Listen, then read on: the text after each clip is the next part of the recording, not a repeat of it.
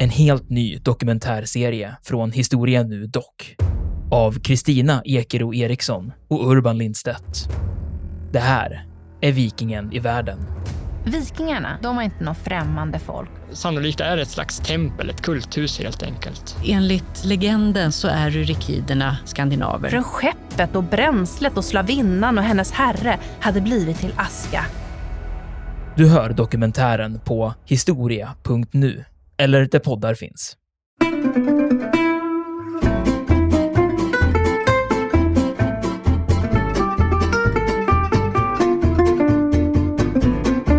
Och eh, under Dackefejden på 1540-talet så förbannar ju Gustav Vasa sina tyska legoknektar för att de inte vill söka upp fienden i skogen. Han säger att de är föga benägna att söka buskan. Just det, det kommer vi Eh, ihåg. Ja, Ja. precis. Och där inne, för där inne väntar då ondskan i form av välbeväpnade smålänningar. och de vet som sagt hur man utnyttjar terrängen eh, maximalt.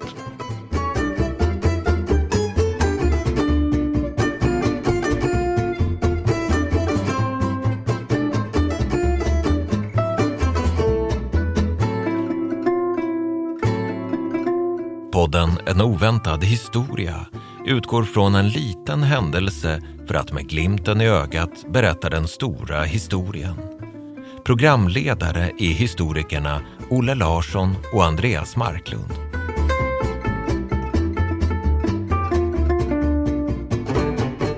Tjena Andreas! Tjenare! Hur är läget? Har sällan varit bättre. Det är skönt, jätteskönt. Fantastisk söndag, eller hur? Ja, verkligen. Alltså, det är ju det är trots allt adventstider och sånt gör en, eh, eh, jag vet inte, ett, en gammal övertygad julfirare lycklig. Ja, men jag också. Jag kommer i någon slags sånt här, vad vi kallar för ett mysigt mood så här slutet på november, början på december. Precis, det är liksom har långsamt börjat infinna sig och gudarna ska veta att det har vi förtjänat, tycker jag. Ja, just det här ordet trevnad är någonting som dyker upp. Ja, ja, ja, precis. Jultrevnad och julefrid och allt sånt där. Och knäck Men- och julöl. Just precis. Men idag tänkte jag vi skulle prata om någonting som inte är fullt så mycket associerat med treävnat. Och jag tänkte för ett litet tag sedan just att för oss som lever i ett land som idag inte har varit i krig på över 200 år, inte sedan 1814, så tror jag att det är många människor som har svårt att tänka sig att det faktiskt fanns en tid då krig var ett normaltillstånd. Alltså i princip så var det ju så här att under medeltiden och egentligen hela fram till stormaktstidens slut så var det ju freden som var en anomali och kriget som var det vanliga.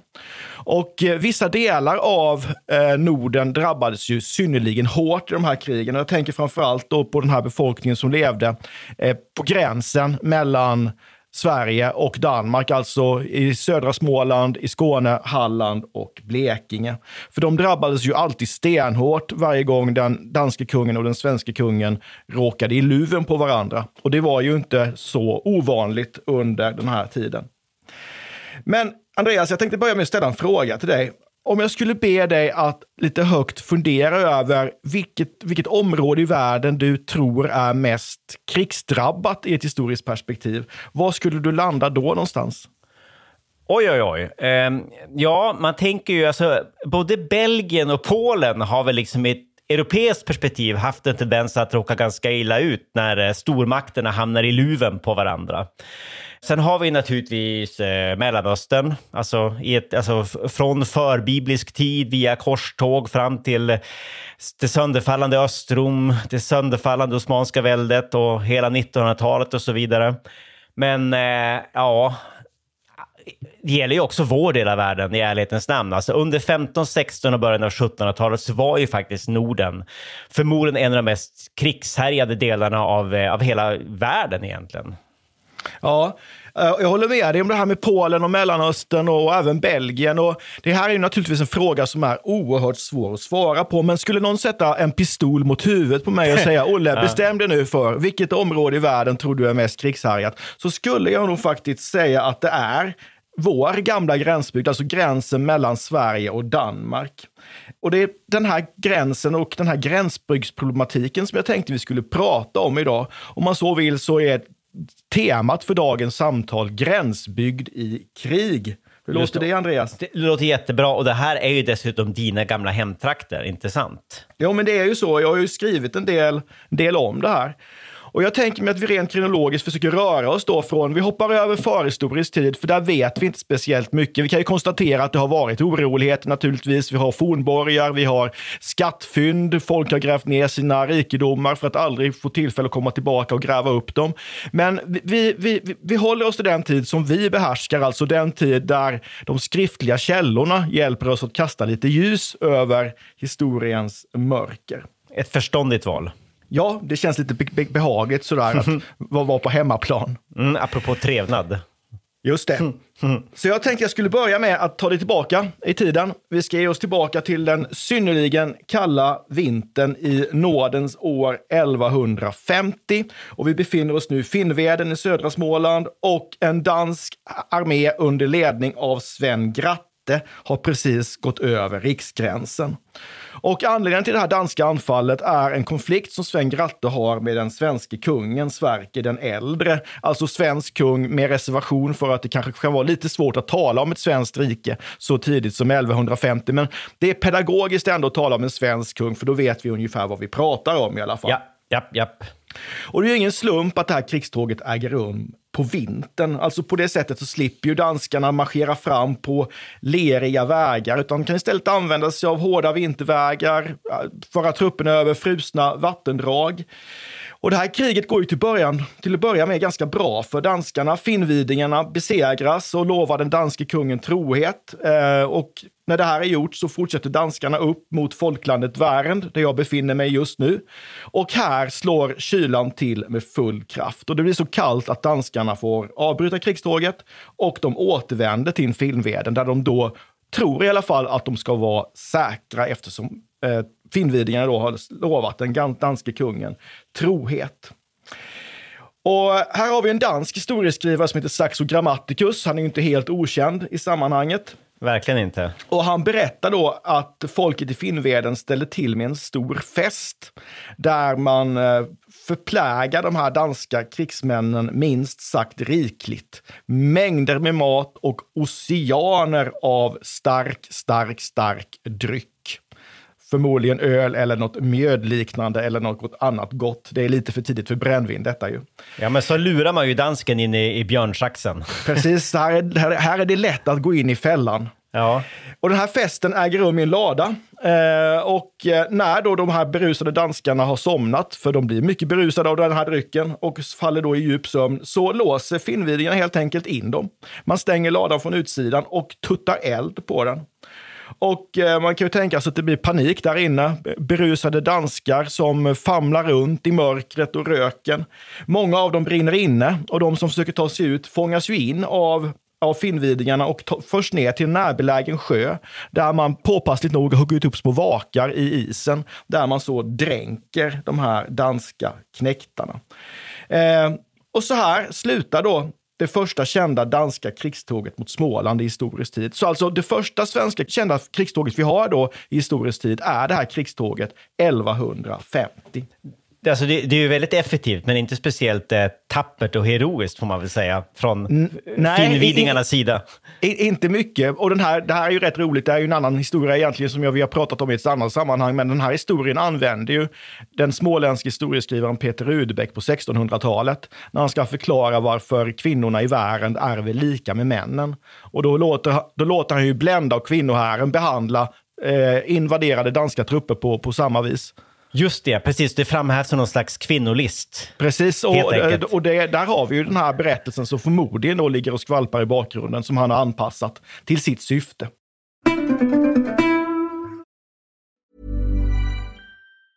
Life is full of awesome what ifs and some not so much, like unexpected medical costs. That's why United Healthcare provides Health Protector Guard fixed indemnity insurance plans to supplement your primary plan and help manage out of pocket costs. Learn more at uh1.com. One size fits all seems like a good idea for clothes until you try them on. Same goes for healthcare. That's why United Healthcare offers flexible, budget friendly coverage for medical, vision, dental, and more. Learn more at uh1.com.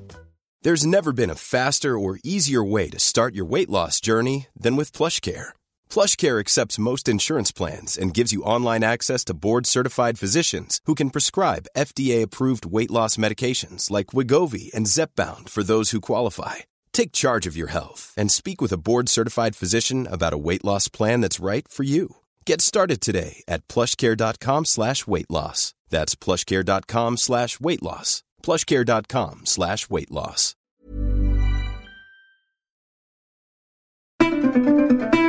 Andreas, de här krigen mellan Sverige och Danmark, de fortsätter ju. Det här är det första krigståget 1150, men de fortsätter ju då under ytterligare eh, ett, ett halvt millennium, skulle man ju faktiskt kunna, kunna säga, om man avrundar lite. V vad vet vi om krigen i den här gränsbygden, låt säga under medeltiden och det tidiga 1500-talet?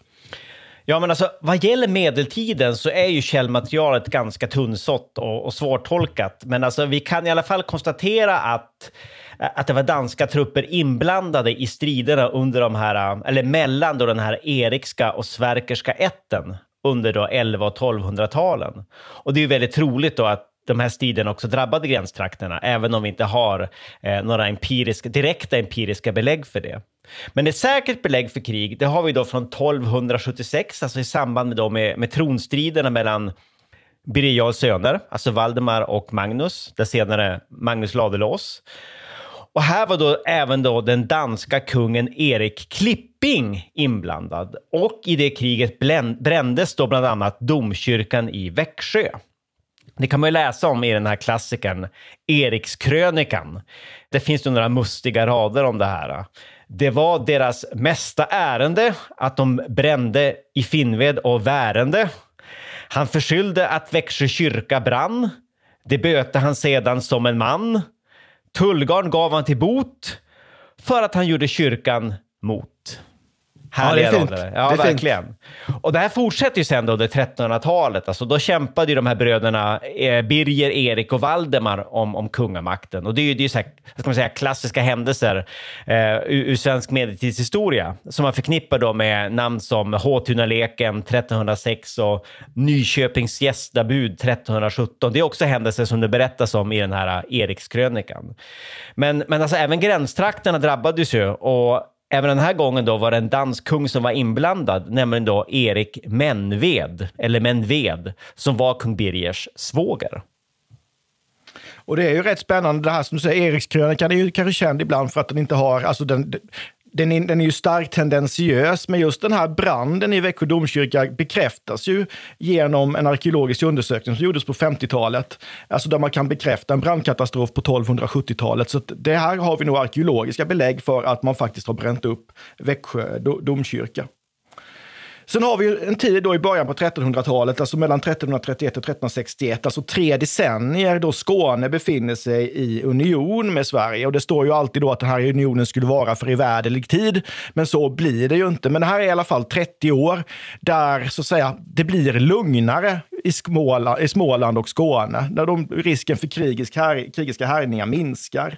Men eh, Valdemar Atterdag, den danske kungen, återtar ju Skåne 1361 och under resten av 1300-talet så är det ju talrika strider här i, i gränsbygden. Och så är det ju fortfarande 1397 när den så kallade Kalmarunionen ingås i Kalmar, när Erik av Pommern kröns till svensk kung. Och det blir ju något lugnare en liten, liten eh, period, men sen i början på 1400-talet så tar ju de här stridigheterna fart på nytt. Och man skulle kunna beskriva resten av 1400-talet nästan som en period av fullständig politisk anarki och ständiga strider. Dock inte, det är ju förenkling att säga att det är strider mellan svenskar och danskar. Det är, det ju, det är ju rätt i någon bemärkelse, men det är ju inte en nationell konflikt på det sättet. För Det handlar ju snarast om unionsförespråkare och unionsmotståndare, alltså de som vill ha en union och de som inte vill ha någon union. Och här finns det ju danskar och svenskar på båda sidor. Och de här striderna pågår i princip fram till till och med tidigt 1500-tal och egentligen hela vägen fram till dess då att Kalmarunionen verkligen går en blodig upplösning till mötes i samband med händelserna i Stockholm i början på november 1520, alltså det vi känner som eh, Stockholms blodbad. Och det är klart alltså, de här ständiga krigen tär ju hårt på gränsbygdsbefolkningen. Alltså människor dödas, våldtas, misshandlas, gårdar bränns, plundras, hela bygden förhärjas. Och på något sätt så försöker människorna göra vad de kan för att minska krigens skadeverkningar. Och man har ju olika strategier för att försöka liksom, ja, eh, att komma undan Andreas, Mm. kan du säga någonting om de här strategierna? Ja, absolut. Eh, till att börja med kan vi väl då konstatera att det var ganska stor rörlighet, mobili- mobilitet säger man väl då, alltså över riksgränsen, både i krig och i fred. Alltså människor hade eh, vänner på bägge sidor av gränsen, man handlade och man arbetade på andra sidan och det var ju inte ovanligt att man ingick äktenskap över riksgränsen heller. Så folk verkar kanske inte vara så intresserade av den här gränsen egentligen. Det betydde inte så mycket människors vardagsliv och heller inte om de var danskar eller svenskar, som du, som du nämnde alldeles nyss. Eh, det viktiga var liksom att vardagen fungerade och att man inte fick sin gård bränd eller skövlad då i händelse av krig. Det var, liksom, det var ju alltid dåligt nytt att ha militära styrkor i närheten i lokalområdet oavsett om de kämpade för den danska eller den svenska kungen. Alltså det var ingenting, alltså det var ett dåligt tecken att ha liksom militär trupp i lokalområdet. Men alltså, gällande det där med strategier då, så har vi det här med gränsfreder. Det var en slags separata, separata överenskommelser då, över gränsen. Det var ju liksom ett sätt för lokalbefolkningen att undgå härjningar. Och en förutsättning för de här gränsfrederna, det var ju de här kontakterna, de här transnationella kontakterna, eller vad man ska säga, då, som hela tiden förekom mellan de här äh, gränsbygdsmänniskorna på bägge sidor av gränsen. Och syftet med de här gränsfrederna var ju då att upprätthålla vänskapliga förbindelser, även om det då officiellt rådde krigstillstånd, då, eller krigstillstånd förlåt, eh, mellan regenterna. Och den första kända gränsfreden den är ju från, den är från 1505. Den ingicks mellan smålänningar och blekingebor på Värensbornas ting i Hjortsberga. Men innehållet i det här fredsavtalet visar väl att det inte var första gången man ingick ett sånt här fredsavtal, utan man, man pekade tillbaka mot någon slags eh, prejudikat, alltså man hänvisar till tidigare överenskommelser. Och i det här avtalet så lovade befolkningen att leva i fred med varandra och att varna varandra om ja, den egna sidans trupper var i antågande. Och det är då ganska rimligt att anta att det här uppfattades som förräderi bland de styrande i både Stockholm och Köpenhamn. Alltså det här ingicks ju för att skydda lokala intressen istället för att liksom, ja, uttrycka någon slags lojalitet med centralmakten. Absolut, och det är ju precis som du säger, det är de lokala intressen som är intressanta, inte ens eh, lojalitet eller tillhörighet till någon form av nation. Eh, jag tror att smålänningarna och skåningarna var ganska o- ointresserade av vem som styrde dem så länge makten höll sig på långt avstånd, därför att det är det lokala som prioriteras hela tiden. Och det är också intressant när man tittar på de här, den här gränsfreden från, från 1505, att det står ju ungefär att vi, vi gör som vi brukar göra. Alltså, man, det här har man gjort långt tidigare och det finns liksom ett fungerande system med gränsfred. Och jag tror att man höll på med det här alltså ända fram under 1600-talet. Jag vill minnas att jag har sett någon gränsfred från Kalmarkriget, alltså 1611 till 13. Så att det här förekommer under flera hundra år. Och den första är som sagt var från 1505 och det som är lite intressant med de här unionsstriderna det är också att nu kan vi få en bild av hur själva säga, försvaret av lokalsamhället var organiserat, alltså hur, hur, hur det gick till. Och vi ser ju det här är ju ganska, det här är ju välorganiserat. Det fanns en rotemästare eller fjärdingsman i varje socken och han var ansvarig för att se till att alla män höll sina vapen i gott skick och alla över 15 år var skyldiga att ställa upp till bygdens försvar. Ska jag lägga till, och det är viktigt att komma ihåg att det här är lokalförsvarsförband. De användes inte för offensiva operationer i någon större utsträckning, om alls överhuvudtaget. Så när man befarar ett, att ett anfall är nära förestående så samlas man. Och det här gör man då med eh, att man uppbådas med hjälp av en budkavle. Och något förenklat kan man säga att en budkavle är en liten brädbit med skrivtecken på. Och den är väldigt pedagogiskt utformad så tillvida att den har ett rep i ena änden och så är den bränd i den andra. Och budskapet är tydligt. Den som inte ställer upp och den som inte för budkaveln vidare kommer att bli hängd och dessutom få sin gård eh, uppbränd. Och man har ju också ett system med signaleldar, alltså rishögar som är förberedda redan i fredstid på höjder som då kan antändas som och fungerar som något slags signalsystem och säga att nu är fienden i antågande. Och vi kallar ju de här för, för vårdkasar. Och de finns ju också kvar i namn på vissa orter nere vid, eller vid, vid eh, den gamla riksgränsen. Det förekommer ju vid kusten också. Precis, ja, men det här är ju fantastiskt. Jag älskar sånt här.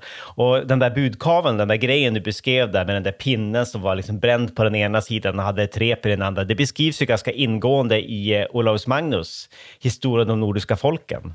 Just det. Och i, i, i romanens gestalt och fiktionens gestalt så spelar ju budkorven en väldigt viktig roll i Rid i natt av Vilhelm Moberg, romanen Just från det. 1941 som just utspelar sig i, i Småland och i Brändebols by, fast då i mitten av, av 1600-talet.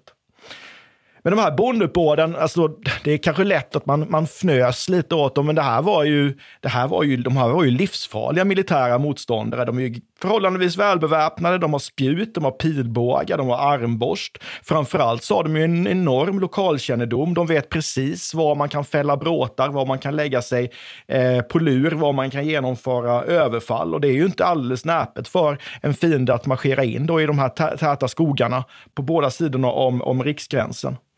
Och eh, under Dackefejden på 1540-talet så förbannar ju Gustav Vasa sina tyska legoknektar för att de inte vill söka upp fienden in i skogen. Han säger att de är föga benägna att söka buskan. Just det, det kommer vi Eh, ihåg. Ja, Ja. precis. Och där inne, för där inne väntar då ondskan i form av välbeväpnade smålänningar. och de vet som sagt hur man utnyttjar terrängen eh, maximalt. Och de är ju rekryterade lokalt. Det skapar ju också en väldigt stark alltså stridsmoral. De slåss ju för sitt och för det sina. Eh, men man ser ju också då att det är inte helt alldeles lätt att få de här uppbåden att slåss någon annanstans, inte ens på den egna sidan av gränsen. Det finns något exempel när Kalmarborna i Möre vill ha hjälp av smålänningarna och smålänningarna säger nej, nej, nej, så blir det inte. Sköt ni ert så sköter vi vårt. Det här, det här är vårt försvar och ni sköter ert så blir det bra med det.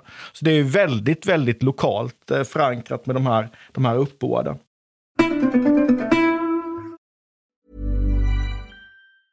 Mother's Day is around the corner. Find the perfect gift for the mom in your life with a stunning piece of jewelry from Blue Nile. From timeless pearls to dazzling gemstones, Blue Nile has something she'll adore. Need it fast? Most items can ship overnight. Plus, enjoy guaranteed free shipping and returns. Don't miss our special Mother's Day deals. Save big on the season's most beautiful trends. For a limited time, get up to 50% off by going to BlueNile.com.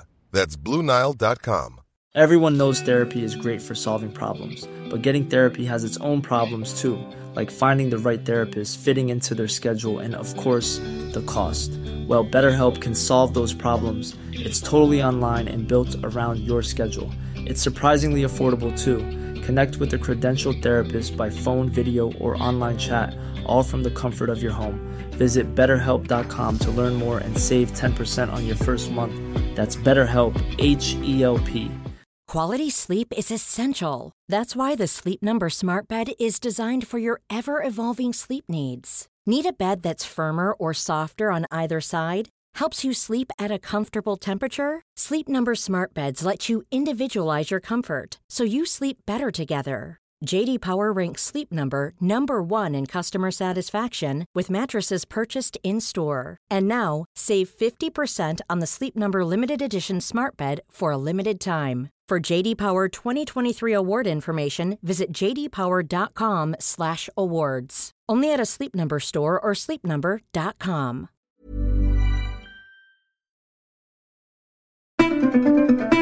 De här krigen på medeltiden var ju ändå förhållandevis små. Det är ganska små truppstyrkor som tågar runt. Det handlar kanske om, alltså som mest kanske tusen man, oftast bara några hundra. Det är ju illa nog naturligtvis, men jämfört med vad som komma skulle under tidig modern tid när vi får de här jättearméerna så blir ju de här krigen också från och med 1500-talet och framåt mycket mer förhärjande.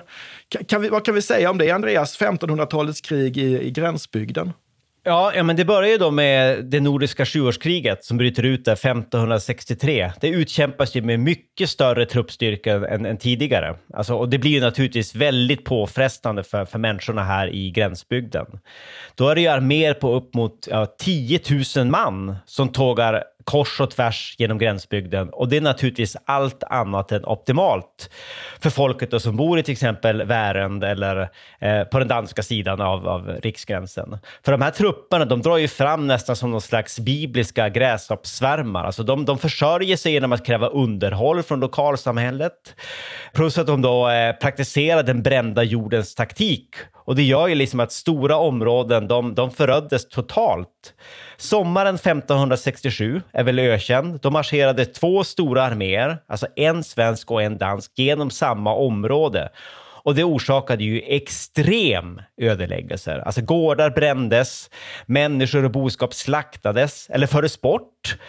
Och på många håll återstod ju inte mycket annat då än eh, ja, rykande ruiner, alltså sen trupper då hade dragit förbi. Allting var, det var liksom barskrapat. Och i vissa delar av Småland så var det väl så många som 80 procent av gårdarna som var förstörda. Och sen gjorde ju naturligtvis de uppbådade bönderna allt vad de kunde för att bekämpa de här trupperna, för fiendens trupper. Ibland lyckades man.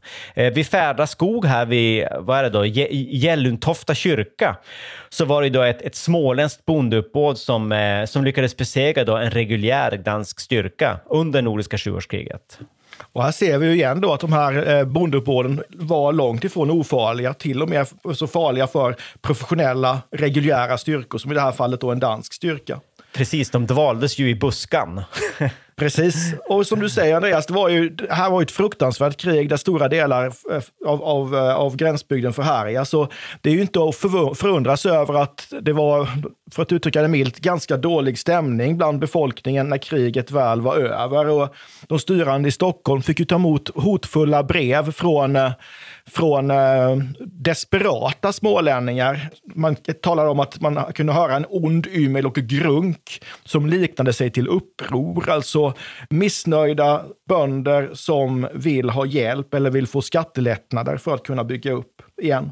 Och det är också det som är rätt fantastiskt. Alltså återhämtningen efter sådana här härjningar går ändå förhållandevis snabbt. Det är som att det tar några år och sen så återvänder livet till det normala igen bara för att brytas ner igen något, senare av nästa krig som bryter ut. Och I det här fallet så har vi ett nytt stort krig som drabbar gränsbygden 1611. Och det är det så kallade Kalmarkriget. Då, som, båda de här krigen här är ju under stormaktstiden. Det handlar ju om kampen om, om Östersjöherravälde helt enkelt. Där vi har svenska, danska, polacker och ryssar som egentligen är huvudmotståndare. Och eh, här ser man ju också då att kriget var närvarande på olika sätt, inte bara då genom att fiendens trupper kom och brände. Här kommer ju också utskrivningskommissioner från den svenska statsmakten, till exempel för att plocka ut knäktar till arméerna. Och det var ju inte alldeles näpet att bli uttaget till knäckt och skeppat till, till andra sidan Östersjön. Eh, dödligheten var ju enormt hög och framförallt, det är ju inte så många som, dödligheten är inte fullt så hög i fältslagen som de är i de här smutsiga förläggningarna där folk mer eller mindre liksom spydde ihjäl ihjäl i magåkommor av olika slag. Så att många vet ju om att det här är att bli uttagen till knäckt var ju mer eller mindre en, en, en dödsdom. Och vi har ju då krig i princip då under hela den första halvan av 1600-talet. Vi har kriget här 1611 som jag nämnde. Vi har ett krig 1643 till 45, ett 1657 till 60 som egentligen bara drabbar gränsbygden i begränsad omfattning. Men icke desto mindre i form av utskrivningar. Det här är ju före indelningsverkets tid. Men 1658 så förlorar ju Danmark sin östra rikshalva, alltså det vi kallar för Skånelandskapen. Och då flyttar ju gränsen ut till Öresund. Och det här gör ju då att den här gamla gränsbygden på i Småland, eh, Skåne, Halland, Blekinge blir en lugnare plats att leva på. Och så den här gräns flytten får ju stora konsekvenser, inte bara så tillvida att det svenska riket växer och det danska riket krymper, utan någonting händer med befolkningens, eh, ska vi säga, med befolkningens sinnen. De blir ju lite lättare att tas med under loppet av 1600-talet. Andreas, vad vet vi om den här så kallade gränsbygdsmentaliteten? Ja, men till att börja med kan vi väl konstatera då att våldsnivån i de här gränsbygderna var, eh, det var ju avsevärt högre än riksgenomsnittet, alltså både i Sverige och i Danmark. Och här behöver vi då påminna oss om att liksom våldsnivån i både Sverige och Danmark under den här tiden var avsevärt högre än idag. Inte minst då i städerna. Eh, alltså folk på den här tiden levde i någon slags hederskultur, alltså där kränkningar av den egna äran det var något man besvarade med våld, med vapen i hand. Eh, så försvarade man ju liksom sin, sin heder och vad ska man säga, sin position i en tid då rättssystemet inte var särskilt utbyggt och där staten inte kunde gå in och liksom garantera vad ska man säga, rättsligt skydd på det sättet. Så det här, det här var en väldigt våldsam tid generellt och det förekom ju ofta våld i samband med större kalas som dop och barnsköl Bland annat på grund av att man var väldigt lättkränkta. Kombinerade det med alkohol och det faktum då att alla ju faktiskt var beväpnade. Alltså adelsmännen hade värjor, bönderna hade ju sina knivar eller yxhammare. Så förstår man ju att eh, ett, ett vanligt kalas ganska lätt kunde urarta i ett, eh, i ett blodbad mer eller mindre. Alltså det finns ju mängder av exempel på det från den här tiden i domböckerna. Men det som gjorde då, men det här var ju liksom, det här var särskilt illa, särskilt eländigt i, i gränstrakterna. Och det som gjorde att våldsamheten var särskilt stor i gränsområdena, det berodde ju på de här ständiga krigen och det faktum att ja, brottslingar på flykt då, under lagens långa arm. De föredrog ju ofta att slå sig ner vid gränsen i de här stora skogarna för att då vid behov kunna bege sig över gränsen till antingen Danmark då, om, om man var svensk, eller, eller, eller, eller till Sverige då om man var dansk. Och de här brottslingarna, alltså det var ju stråtrövare av olika slag, de utgjorde ett ständigt gissel för befolkningen vid den här, gräns, alltså vid den här tiden vid gränserna. Vilket då skapade ett, ett väldigt hårt sinnelag hos befolkningen eftersom de, de hade då redan från barnsben fått lära sig att, att de skulle freda sitt och, och, och sig själva och de sina då med, med våld, med vapen i hand om så krävdes. Så de här personerna, de, hade, de var hårda som flinta, tror jag. Ja, gränsbygden var, var en mycket farlig plats att vistas på under, under stora delar av 1600-talet. Jag får ibland frågan när jag är ute och föreläser, Olle, finns det någon plats i Småland du absolut inte skulle vilja bott på under första halvan av 1600-talet? Och då brukar jag svara Urshult. Ja.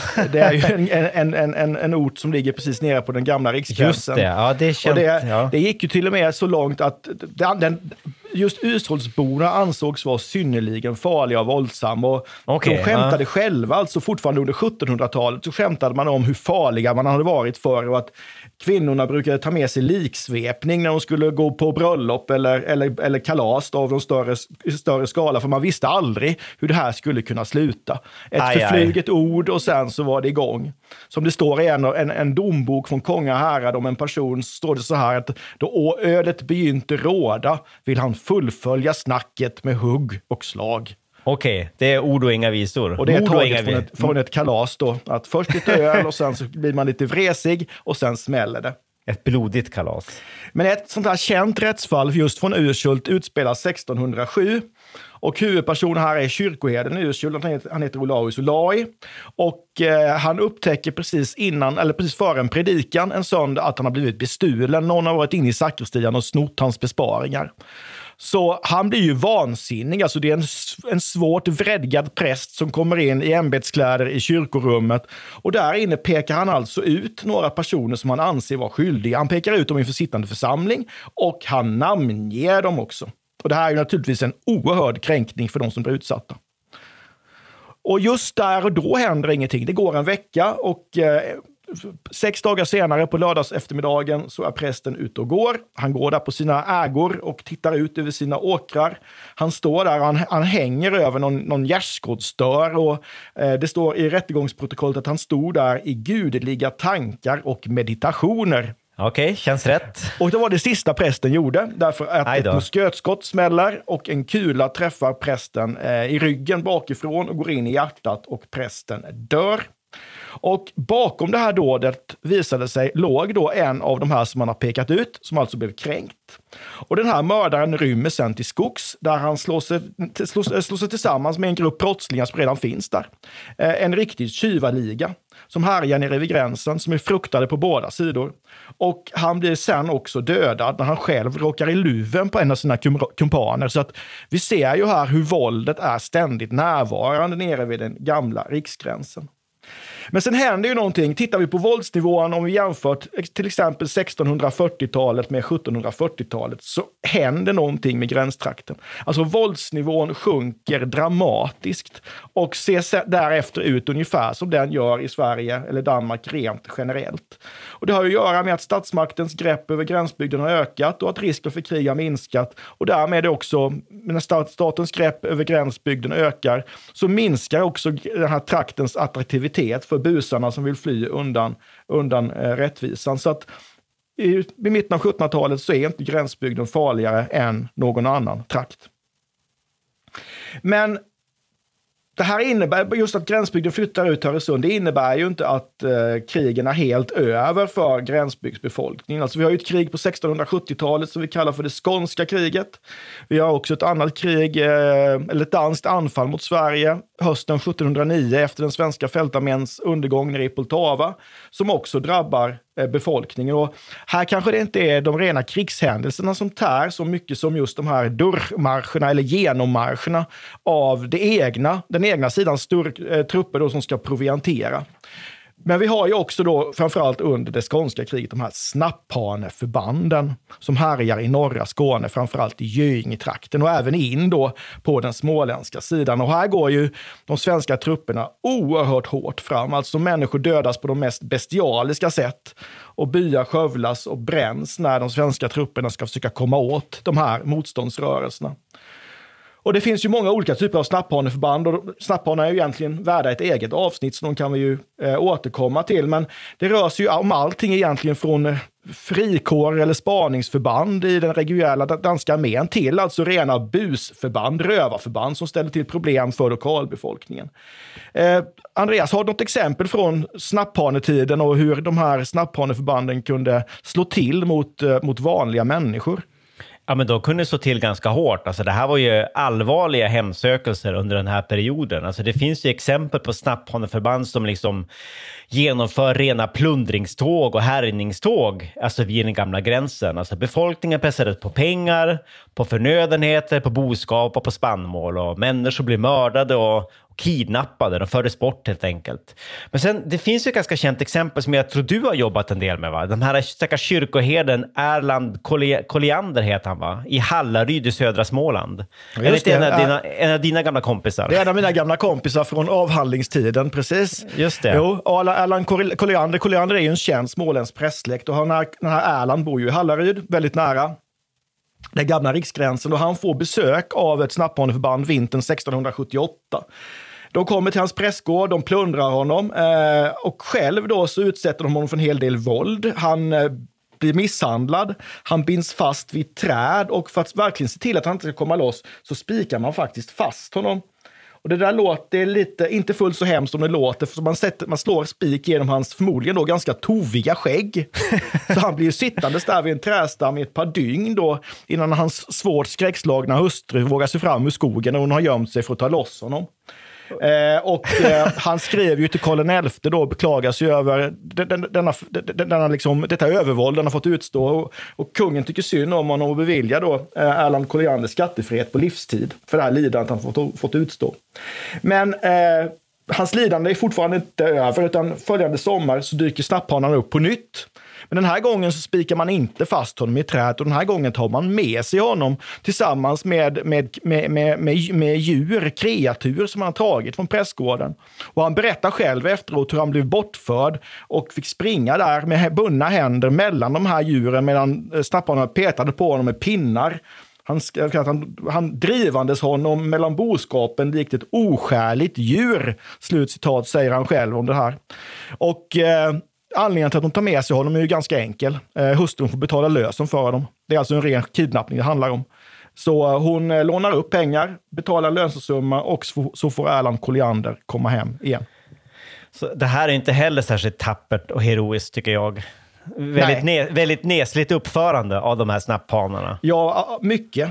Men, men det här är ju, de här, det här är ju eh, skånska kriget och sen då det här danska fälttåget mot Skåne 1709-10. Det är ju sista gången som gränsbygden drabbas av direkt krigisk hemsökelse. Alltså Sveriges krig, krig är ju inte över, utan de fortsätter under 1700-talet och början på 1800-talet. Men då har vi inte krigshändelserna på plats, så att säga. Man, man drabbas av krigen på ett annat sätt.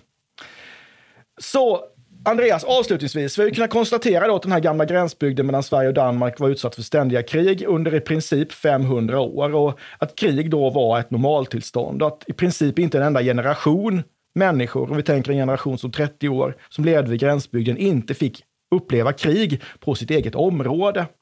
Eh, men efter då det stora nordiska kriget, alltså efter det här danska försöket att återta Skåne 1709-10, så upphör ju krigen i gränsbygden. Men så här avslutningsvis och kontrafaktiskt. Vad tror du skulle ha hänt med relationerna mellan Sverige och Danmark och gränsbygden för den delen om det danska försöket att återerövra Skåne 1709-10 hade lyckats? Vad hade hänt? Vi är ändå ja, goda vänner nu ju. Ja, ja jo, verkligen. Eh, jo, små, små, svår fråga får man väl säga. Men alltså då, då hade ju Skåne, Halland och Blekinge kunnat vara danska idag egentligen, naturligtvis. Men jag tror faktiskt inte då att, jag tror inte 1700-talets stormakter skulle ha gått med på det egentligen. För det låg varken i Storbritanniens, Frankrikes, Preussens eller Rysslands intresse att det var en och samma stat som kontrollerade bägge sidorna av Öresund. Så jag tror nog egentligen då att det enda konkreta resultatet skulle vara ännu mer krig mellan Danmark och Sverige om Skåne under 1700-talet då, med olika stormaktskonstellationer på respektive sida. Eller så skulle, vilket kanske är ännu troligare, eller så, eh, eller så skulle Sverige få tillbaka då Skåne, alltså efter stora nordiska kriget, mot något slags krigsskadestånd. Kanske hade vi tvingats ge bort svenska Pommern i utbyte eller något sånt. Eh, Medan vi hade fått tillbaka då Skåne från danskarna under hårda påtryckningar från Storbritannien och eh, Frankrike inte minst. För det här, Ja, jag- jag- jag- Öresund var ju väldigt strategiskt viktigt. Precis, ja, Öresund är oerhört viktigt, men jag tror precis som du säger att hade danskarna lyckats återerövra Skåne så hade vi haft ännu fler krig i gränsbygden. Så att på något sätt så skulle jag- man kanske kunna säga så här att eh, den danska förlusten i Skåne 1710, eh, den danska förlusten i, eh, eller av, av Skånelandskapen i Roskildefreden 1658 och egentligen Sveriges eh, undergång som stormakt efter stora nordiska kriget gynnar nog en mycket fredligare utveckling i Norden. Det tror jag helt klart. Ska vi nöja oss med det för idag, Andreas? Det gör vi. Jättespännande. Det gör Ja. vi. Häftigt ämne. Ja, tack för idag. Ja, vi ses. Ha det bra. Ha det så bra. Hej. Hej, hej. Vi tackar programledarna Olle Larsson och Andreas Marklund. Kontakta gärna Olle och Andreas på ovantad@historia.nu. Vi läser allt, men hinner kanske inte alltid svara.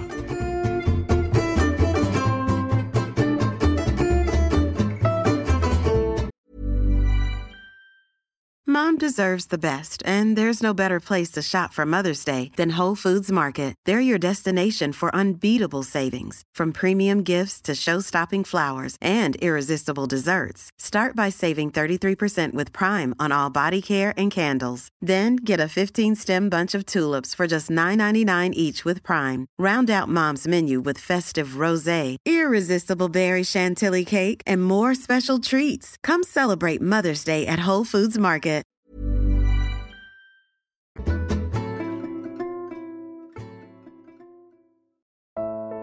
Iran har under 1900-talet genomgått tre omvälvande revolutioner som orienterat landet antingen mot västerlandets modell eller mot en auktoritär styrelseform. Idag pågår en social revolution i landet som vänder sig mot det islamistiska styret och vars anhängare har Europa och väst som förebilder.